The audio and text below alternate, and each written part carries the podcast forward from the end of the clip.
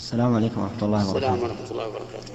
فضيلة الشيخ حديث الصحابي الذي حضر جنازة السبعون ألف ملك عندما دفنه الرسول وقال لقد ضم ضمة لو سلم منها أحد ما سلم منها هل هذا حاصل جميع البشر يعني بعد؟ أما أما كونه حضر سبعين ألف ملك فهذا لا أعرف.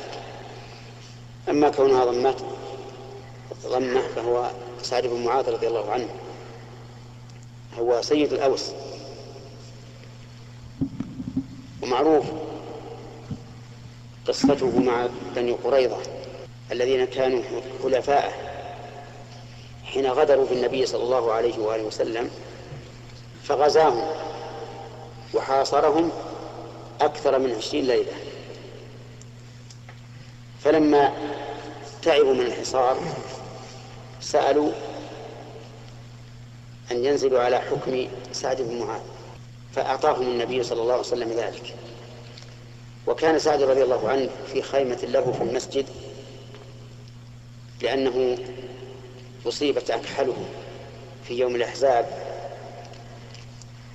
فبنى عليه الرسول عليه الصلاة والسلام قبة يعني خيمة في المسجد ليزوره عن قرب. وكان رضي الله عنه لما سمع بأن بني قريظة وهم حلفاؤه نقضوا العهد. قال اللهم لا تمتني حتى تقر عيني بهم. يعني بأن يؤخذوا. لما طلبوا أن ينزلوا على حكم سعد بن معاذ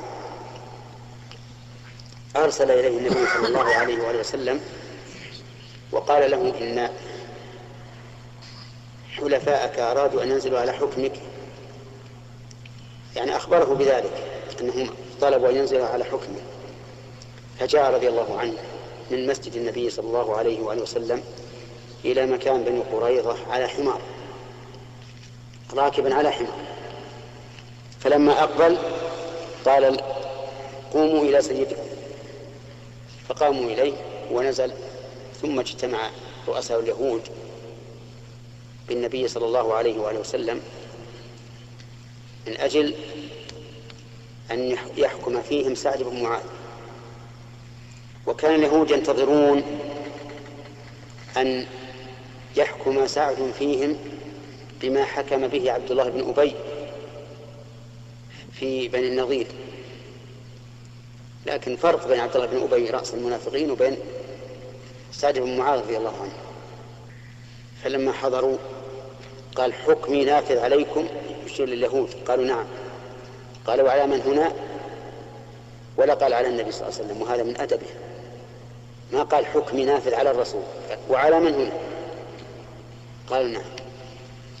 فقال أحكم فيهم أن تقتل مقاتلتهم وتسبى نساؤهم وذريتهم.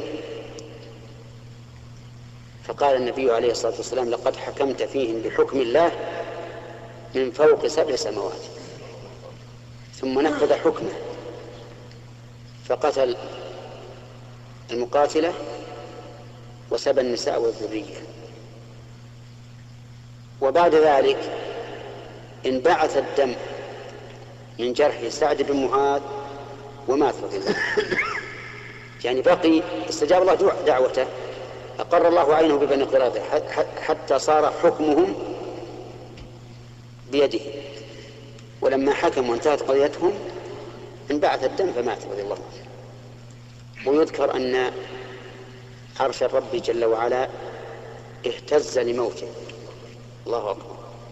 وفي ذلك يقول حسان بن ثابت رضي الله عنه وما اهتز عرش الله من أجل هالك سمعنا به إلا لسعد أبي عمرو. رضي الله عنه. نعم. اي نعم. اما أما الضمه أما الضمة فقد ورد أن القبر ضمة. ولكن فيما أذكر أن هذا الحديث فيه ضعف لأن الأحاديث الصحيحة تدل على أن الرجل إذا سأله الملكان وأجاب بالصواب فسح له في قبره. فإن صح الحديث فالمعنى أنه أول ما يدخل يضم ثم ينطلق. وقد ذكر أنه أن ضمة القبر للمؤمن كضمة الأم الرحيمة لولدها. يعني ما هو ضما يؤلم أو يؤذي. نعم. نسأل الله يجعلنا لكم من السعداء. نعم.